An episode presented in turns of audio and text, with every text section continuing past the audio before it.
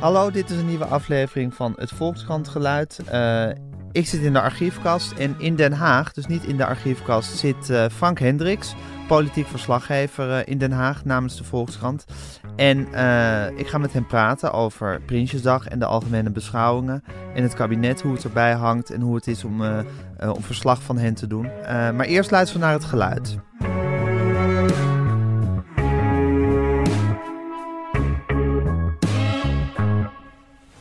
De koning! Nou Frank, dit, uh, dit geluid kennen we allemaal hè? Ja, we kennen het allemaal, hè? De, de, koning die toegejuicht wordt door zijn volk. Ja. Dan moet ik wel eerlijk zeggen dat ik, dat ik zelf niet heel vaak in die ridderzaal ben geweest. Eigenlijk één keer. Ja. En ik heb ook het idee dat de meeste van mijn collega's altijd proberen te vermijden om daar terecht te komen op Waarom? Omdat je... dat, is toch, dat is toch een feest van de democratie? Ja, dat denk je inderdaad de eerste keer ook als je er naartoe gaat. Maar dan merk je dat je helemaal boven in de nok van die ridderzaal terechtkomt, waar het heel erg warm is. En je merkt ook dat je daarna nog een uur binnen moet blijven voordat je er weer uit mag. Dus uh, het is eigenlijk, eigenlijk een hele lange zit. Dus, um, en waarom moet je nog een uur, keer, waarom moet je nog een uur binnen ja, blijven? beveiliging of zo, denk ik. Oh. Uh, maar uh, dus nu, dit jaar gaat ook onze stagiair. Dus dat zegt wel iets, denk ik. Uh, ja, de mensen die er al vaker zijn geweest, die hoeven niet meer zo nodig. En was jij er ook heen toen je stagiair was? Ja, ik was toen wel heel erg jong en onervaren, ja. En naïef. Een soort ontgroening ja. eigenlijk als politiek verslaggever... dat je één keer ja. in de ridderzaal moet zitten tijdens Prinsjesdag. Want het is, het, is nu, het is nu, als we elkaar spreken, is het Prinsjesdag. Is dat nou, uh, het is dinsdag, de derde dinsdag in september. Is dat nou een dag waarop jouw hart als politiek dier sneller gaat kloppen? Of valt dat wel mee? Nou, het valt wel mee eigenlijk. Uh, het is uh, natuurlijk toch vrij voorspelbaar uh, wat er deze dag gebeurt. Mm -hmm. Ja, het zijn eigenlijk rituelen, hè? rituelen van onze democratie. Die moet je natuurlijk ook niet te veel veranderen. Ja. En als politiek verslaggever nee. kijk je natuurlijk vooral uit naar de algemene politieke beschouwing. Als het debat losbarst over wat er vandaag gepresenteerd wordt. Of wat er op Prinsjesdag gepresenteerd ja. wordt. Dit is vooral een feestje en een rituele dans. En gewoon een nou ja, een dingetje wat er nou even helemaal moet gebeuren. Er is nog geen opwinding. Het is wel altijd het moment dat het kabinet, wat lang zit of kort, dit kabinet zit kort, voor het eerst, uh, zal maar zeggen, serieus uh, tegen het licht wordt gehouden. Uh, de kop in de Volkskrant op de voor, voorpagina was het nog niks voor mekaar kabinet. Uh, is dat, uh, kwam die uit jouw koker, Frank? Nee, nee. Die, Deze ik... duiding? Nee, nee ja, die, nou, dit, dat, ik denk dat dat wel deels gebaseerd is op mijn analyse die ik in de, in de krant had geschreven. Maar deze kop had ik niet ja. bedacht. Daar kan ik niet de credits voor nemen. Maar op zich denk Denk, kan je ermee ja, leven? kan ik er wel mee leven. Ja, het is een beetje prikkelend natuurlijk. En dat is ook wel goed op, op Prinsjesdag. Dat er wat te praten valt. En uiteindelijk denk ik in het stuk binnenin leg ik ook uit dat het ja, vooral een keuze is tussen toch voorzichtig opereren of uh, proberen echt je stempel te drukken op het land. En dat ze daar toch die keuze nu wel langzamerhand moeten gaan maken, wat, wat dit kabinet nou wil gaan doen. Ja, nou volgens mij zijn ze voorzichtig aan het opereren. Ja, dat denk ik ook. Ja, het afgelopen ja. jaar zeker. Hè. Als je nu, dan ga je inderdaad ook voor jezelf eens doornemen, wel, wat is nou het afgelopen jaar eigenlijk gebeurd? Ja, dat, dat is toch niet heel erg veel. Hè. Niet heel veel tastbaars is er nou op tafel gekomen en... Uh, tegelijkertijd is er vooraf gezegd: dit kabinet moet uit de startblokken vliegen. Want ze hebben eigenlijk maar tot die provinciale statenverkiezing in maart, hè, als mogelijk de meerderheid weer uh, verdwijnt in de Eerste Kamer. Dus als je dat dan meeneemt, hè, dat is de, de, analyse bijvoorbeeld van Pechtold geweest, vooraf bij het begin van dit kabinet. Ja, als je daar dan nu naar kijkt, denk je. Meteen, goh, aan, het, meteen ja. aan het werk. Ja, en als je er nu naar kijkt, dan denk je... Nou, dan denk ik, dat valt wel mee. Ze zijn nou toch eerder met een uh, slakkengangetje uit die startblokken gekomen. En uh, als ze nog wat voor elkaar willen krijgen... ja, dan heb je nu feitelijk nog zes maanden, zeven maanden om dat te doen. Dus de tijd begint al te dringen. Je kunt inderdaad zeggen, ja, ze zitten er pas net. Maar het is wel zo dat ze hebben al een, een coalitie met vier partijen. Hè. Is toch lastig, hoor je ook. Van ja, iedereen moet iedere vergadering weer zijn zegje doen. Het duurt allemaal lang. Op ieder dossier is er weer een andere partij die ergens problemen mee heeft. Maar goed, als straks een vijfde of misschien zelfs wel een zesde partij nodig is om een meerderheid in de Eerste Kamer te krijgen, ja, dan gaat dat natuurlijk nog moeizamer worden. Dus uh, ja, ze kunnen maar dus beter vindt... nu, uh, nu aan de slag gaan. Als ze dat willen, als, ja. dat, als ze dat echt de ambitie is. Ja, hun, hun ambitie is misschien meer een beetje talmen En ja, een beetje, beetje op de winkel letten of zo. Ja, ambitie, dat zullen ze natuurlijk, dat zullen ze natuurlijk nooit hardop uitspreken. Maar eh, kijk, deze mensen die hier nu zitten, hè, zeg maar de founding fathers van dit kabinet, die hebben allemaal gezien wat er met het vorige kabinet is gebeurd. Dat wel uh, met stoem en drang allerlei hervormingen heeft doorgevoerd. En vervolgens eigenlijk afgestraft werd uh, door de kiezer. En ook ja. Uh, ja door commentatoren hè, die, die, die, die toen zeiden van dit is allemaal veel te beeld. En dat zijn eigenlijk dezelfde mensen die nu zeggen van schiet eens op met je hervormingen tegen dit kabinet. Dus ja, dus ik denk dat er zeker binnen die coalitie zijn ook krachten die zeggen... ja, misschien is dit land ook na al die jaren van crisis hè, en van hervorming ook een beetje hervormingsmoe. En moeten we het, moeten we het ook gewoon voorzichtig aandoen. Dus daar valt, ook, daar ja. valt misschien ook wat voor te zeggen. En de zon schijnt. En de zon schijnt, precies. Ja, dus... Uh, Waarom zou je het feestje verpesten? Ja. ja, laten we een beetje in het gras gaan liggen. Ja, ja. ja. Nou, dat zullen ze nooit hardop zeggen, want iedere politicus heeft idealen. Nee, natuurlijk niet. En, uh, wil iets voor elkaar krijgen. Maar ik denk dat dat wel degelijk een rol speelt. En dat zien we ook, als je terugkijkt, zie je dat gewoon als het economisch meezit. Ja, dan ontbreekt ook dat heilige moed om nou weer alles overhoop te halen. Dus dan kun je ook bij jezelf denken, ja uh, nou, laten we maar even uh, ook iedereen bijkomen. Ja, goed, dan komt het volgende kabinet als de crisis weer uitbreekt. Zegt ja, we hadden het moeten doen toen de zon scheen. Toen hadden we het dak moeten repareren. Hè? Dat aloude cliché hier in Den Haag. Ja. Maar goed, dat zijn dan, uh, dat zijn dan weer zorgen voor later.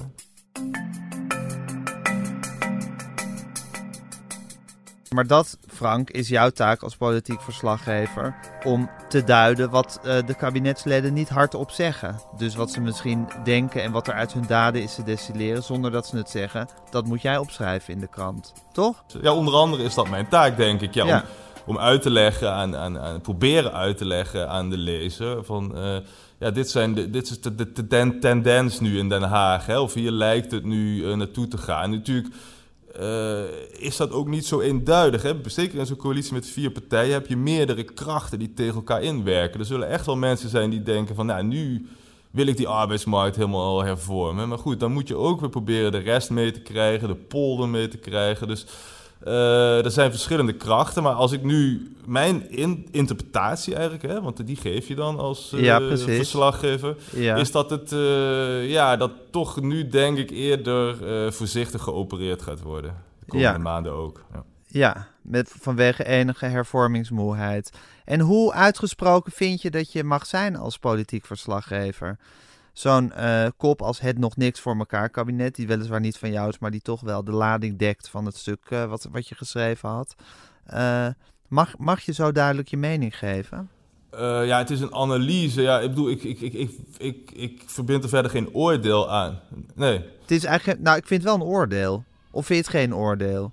Nou, ik zeg niet dat dat goed of slecht is. Hè. Het is meer inderdaad wat ik, uh, wat, ik, wat gewoon denk ik een feitelijke constatering is. Ja, een beetje prikkelend opgeschreven, maar feitelijke constatering is, als je naar het afgelopen jaar kijkt, zijn heel, en kijkt gewoon naar het regeerakkoord, er zijn heel veel van die voornemens nog niet uitgewerkt. Kun je zeggen, ja, ze zitten pas een jaar, klopt, schrijf ik ook op. Tegelijkertijd zeg je, ja, ze hebben eigenlijk maar heel korte tijd, omdat die verkiezingen er alweer aankomen in maart volgend jaar. Ja. Dus ik zie het dan meer als een... Uh, als een feitelijke ja, constatering. Ik zie het als een feitelijke constatering die op een prikkelende ja. manier op de voorpagina is beland. Ja. Precies. Hey, en heb jij als verslaggever vrij snel door hoe ja, het is, het is iets, iets ontastbaars, maar hoe de sfeer in het kabinet is, hoe de, hoe de, de chemie is tussen de verschillende ministers in, in, in de hele groep als geheel?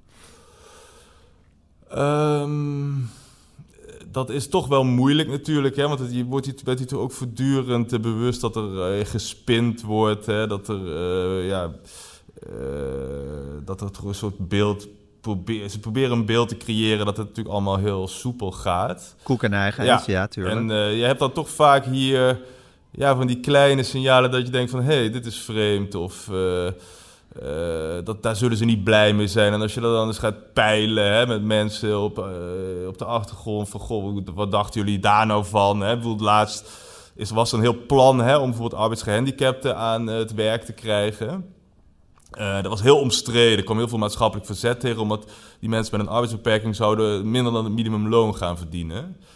Uh, en uiteindelijk heeft de VVD-staatssecretaris van ARK heeft dat afgeblazen, dat plan. En toen zag je daarna ja. in de media dat D66 en ChristenUnie dat een beetje gingen claimen, alsof zij dat voor elkaar hadden gekregen, dat Van Ark daarvan afzag. En ja, je merkt dan al snel dat ze dat weer bij VVD en CDA zeiden. Ze, ja, maar dat is helemaal niks van waar. Die, eh, die, die staatssecretaris heeft dat zelf naar gekeken. Heeft zelf eh, ook onderzoek laten doen van is het nou reëel wat we hebben bedacht. En is toen zelf tot de conclusie gekomen, dit, dit, dit, dit moeten we toch maar niet doen. Maar goed, op dat soort momenten merk je natuurlijk dat er in zo'n coalitie... en dat, merk, dat zul je meer gaan zien als die verkiezingen dichterbij komen... en de peilingen want dat zien we natuurlijk ook wel vrij slecht zijn.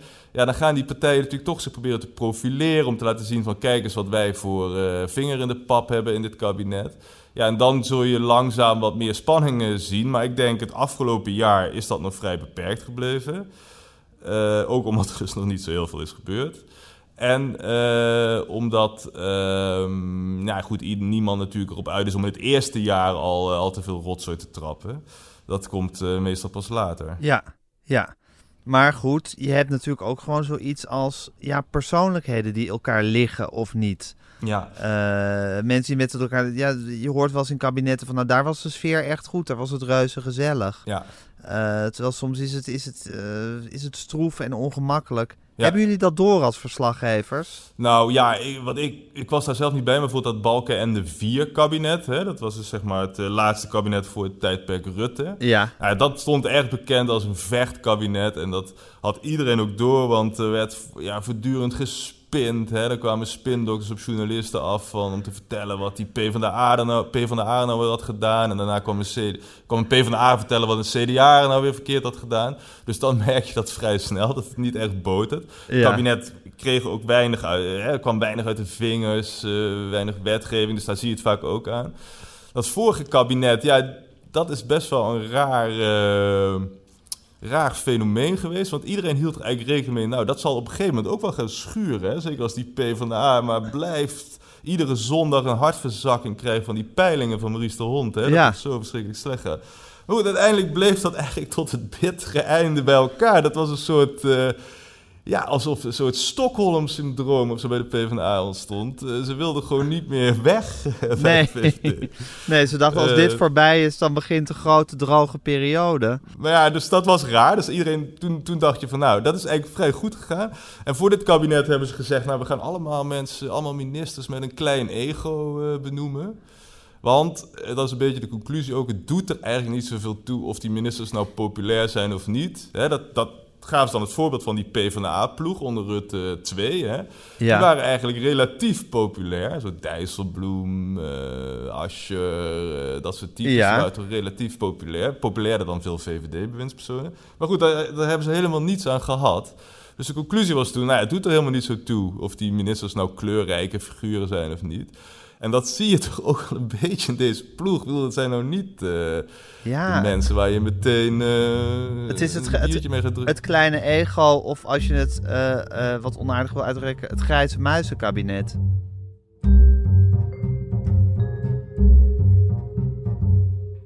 Ja, dat hoorde je eigenlijk vooraf ook wel van. Het moeten gewoon mensen zijn die loyaal dat regeerakkoord uitvoeren. Die niet te veel heibelschop als een keer niet hun zin krijgen. Uh, nou ja, dat is denk ik, hè, is, iemand als Wopke Hoekstra, de minister van Financiën, nou, die is natuurlijk heel erg sober, hebben we amper gezien, aan ja. wat op Defensie. Ja, kan ze ook amper uit elkaar houden, al die, al die veertigers in hun pakken. Ja, nee, ik denk dat er meer mensen... Dan van die keurige jongens zijn Ik denk het. dat meer mensen daar last van hebben. Ik merk het zelf ook inderdaad als ik in de voetbalkantine sta. Nou, het is nou niet het gesprek van de dag, uh, wie nee. Defensie. Hé, maar Frank, zou dat niet misschien ook de reden zijn dat er zo weinig gebeurt, omdat het gewoon ja, soort, soort uh, omhooggevallen ambtenaren zijn, ik zeg het even onaardig, die nu op ministersposten zitten. En niet per se mensen met dadendrang, visie, ego's die bevredigd moeten worden met spectaculaire wetsvoorstellen. Maar gewoon, ja, jongens en meisjes die gewoon doen wat er van ze gevraagd wordt, zonder dat ze nou per se een grote uh, visie of, uh, of, of, of drang van binnen hebben om zich te doen gelden. Nou, dat denk ik niet. Want kijk, die visie moet eigenlijk in het regeerakkoord staan.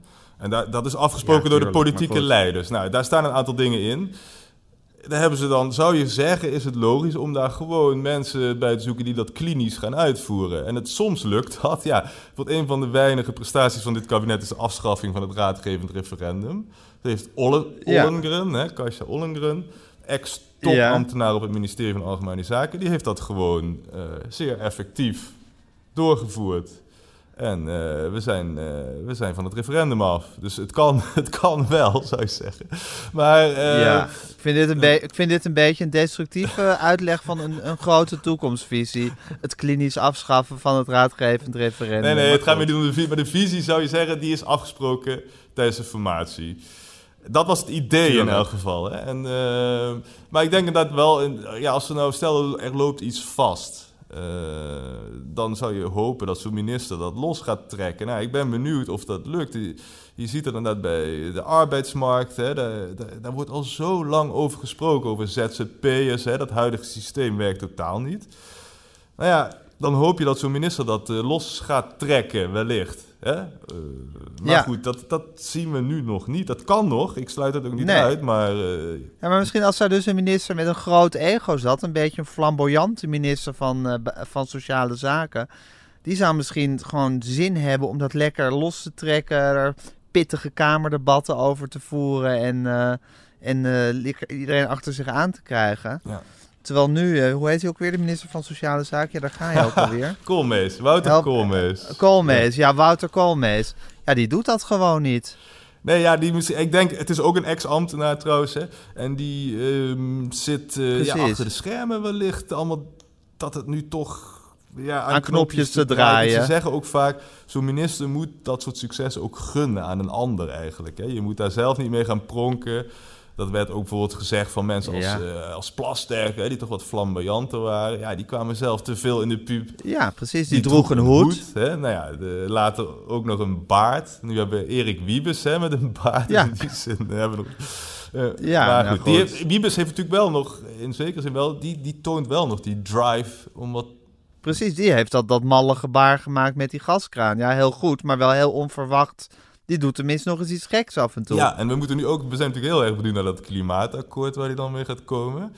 Want je merkt ook dat daar bijvoorbeeld CDA wordt daar nu alweer zenuwachtig over. Hè? Die spreken opeens over een klimaatrevolte die er gaat uitbreken. Een soort tweede fortuinrevolutie. Als we allemaal te, te radicaal uh, dat milieubeleid gaan voeren. Hè? Dat zou dan de Opel, tweedehands Opel-rijders uh, te veel... Uh, ja, bruskeren. In de weg zitten, ja. Dus uh, ja, goed. Dus inderdaad, Bibus is iemand om op te letten. Koolmees ook wel. Uh, ja, en er zijn ook een aantal... Er is ook een aantal ministeries waarvan je denkt van... Ja, ik denk dat we daar de komende jaren niet meer zo heel veel van gaan horen.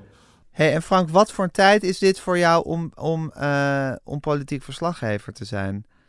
Is het een opwindende tijd of is het een moeizame tijd? Nou, gewoon journalistiek ja, gezien. Nou, kijk, je moet gewoon als journalist, denk ik, als je ergens in verdiept, wordt het altijd wel interessant. Hè? Dat is natuurlijk ook het leuke gewoon van journalistiek. Als je ergens. Uh, en ja, aan de andere kant is het natuurlijk zo, als parlementaire journalist zijn we toch ook een soort ramptoerist. Hè? Dus je hoopt natuurlijk dat het knettert en uh, dat het hele land het over de politiek heeft. Precies. Als er een brandje uitslaat, rennen jullie er allemaal ja, op ja, af. dat is natuurlijk wel... Dan, dan, dan ben je ook echt... Heb je, voel je die adrenaline. Dus in die zin moet je dat ook uh, erkennen. Hè? Dat is niet natuurlijk waar het land waarschijnlijk op zit te wachten. Um, maar ik zou zeggen, ja, het is interessant. Ik vind het toch interessant om te zien hoe dit nu verder gaat. Hè? In zo'n tijd van economische rugwind. En we hebben natuurlijk heel ontzettend...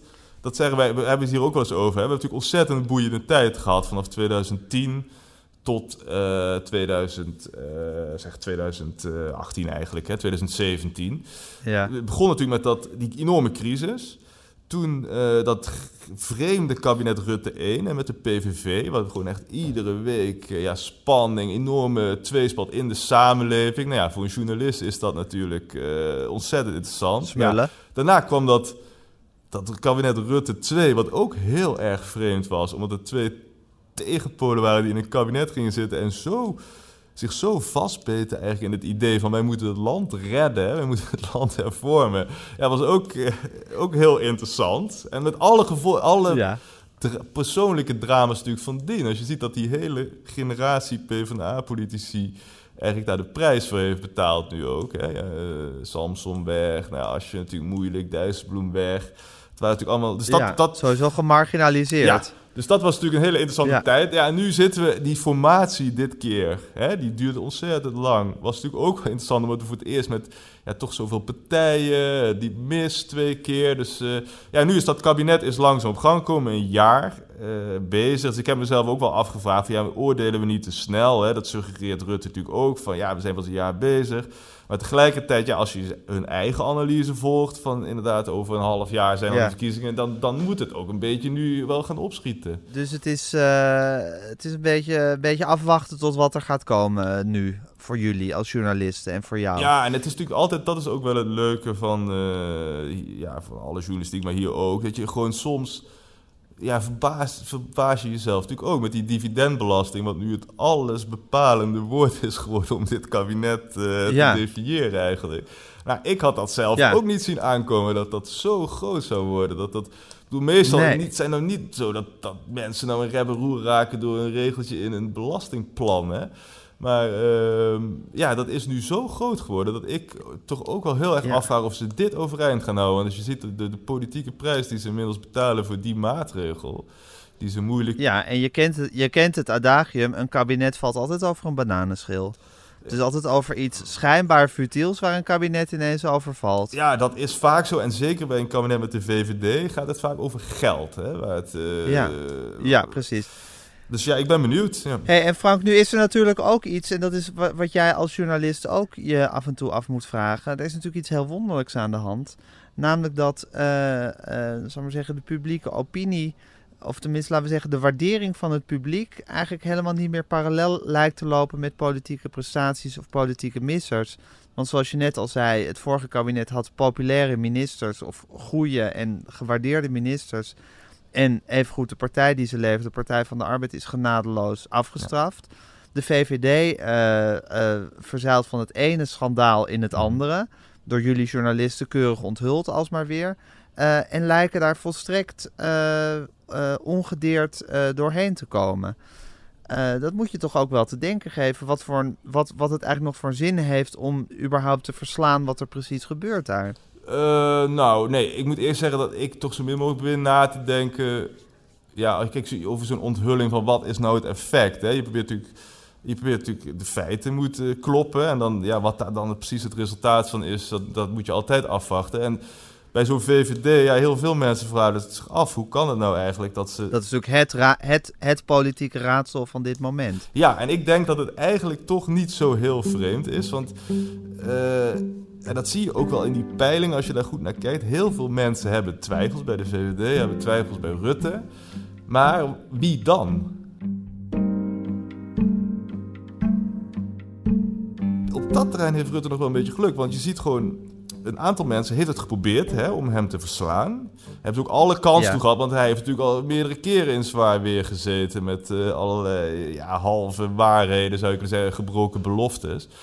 Eh, maar goed, Buma en Pechtold hebben geprobeerd, is niet gelukt. Waarom zou dat de volgende keer wel lukken? Zeker nu ze zelf ook in heel zwaar weer zitten. Heb je Wilders, heeft het meerdere keren geprobeerd, is niet gelukt. Hè? Dus waarom en hij is nu toch ook een beetje eh, weggezakt. Eh, ja, hou je over eigenlijk op rechts Baudet. Ja, daar is, ik, ik, ik, ben, ik, ik denk dat dat ook twijfelachtig is of hij echt eh, Rutte gaat bedreigen. Dat weten we natuurlijk nog niet. Hè. Dat hangt ook af van de mensen die, die hij om zich heen verzamelt. Mhm. Zijn verkiezingsuitslag in maart.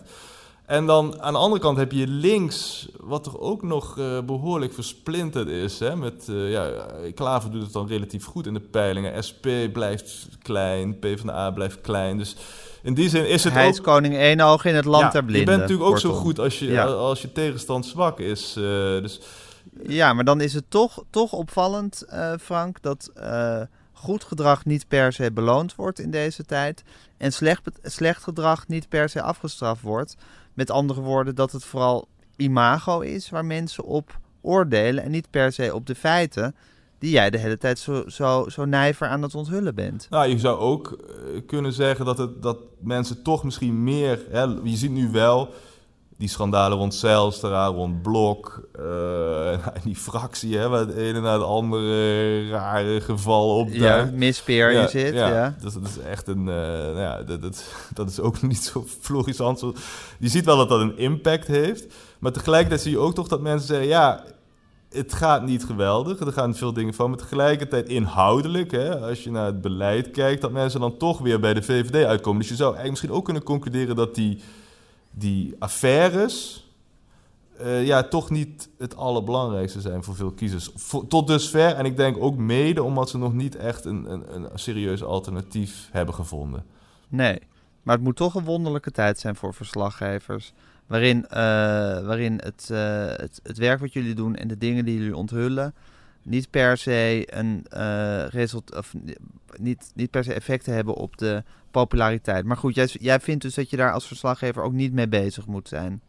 Nee, ik denk, ja... Met het effect. Nee, ik denk dat, ik denk dat dat heel moeilijk sowieso. Als je gaat denken vooraf van ja, als deze onthulling komt, dan heeft die daar baat bij en die leidt schade. Ja, als je zo gaat denken, dan, eh, dan, dan wordt het wel heel erg lastig, denk ik. Ja.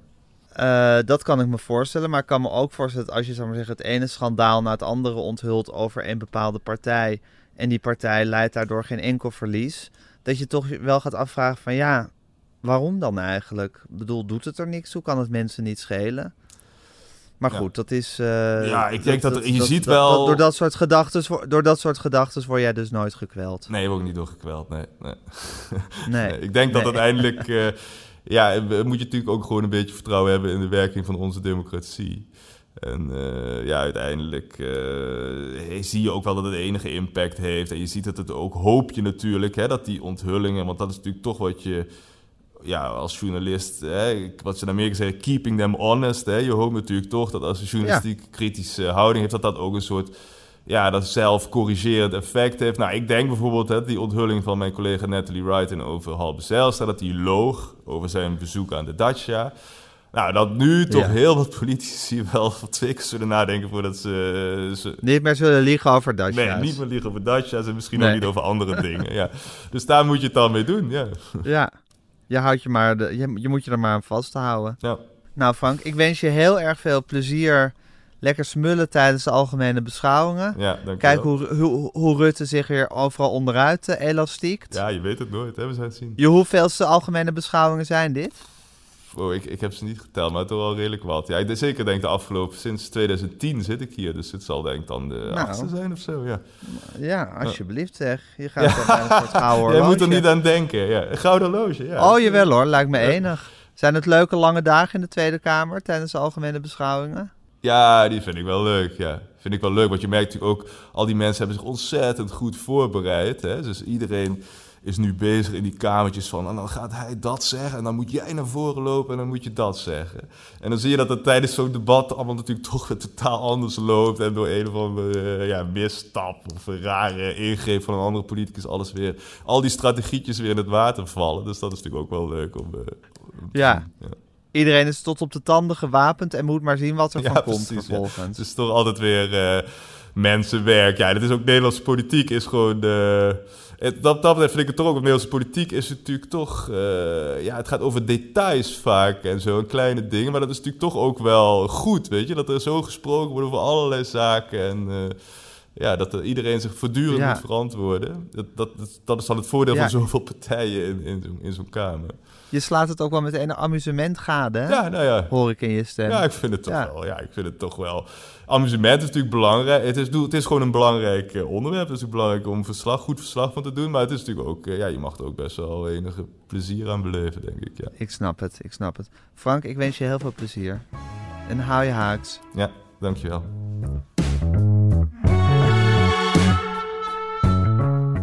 Dit was het Volkshandgeluid met politiek verslaggever Frank Hendricks. eh, over Prinsjesdag en de algemene beschouwingen. Mijn naam is Gijs Groenteman. Ik maakte deze podcast samen met Simone Eleveld. U kunt zich abonneren via alle geëigende podcastkanalen. En u kunt ons ook mailen, dat vinden we leuk. podcasts.volkskrant.nl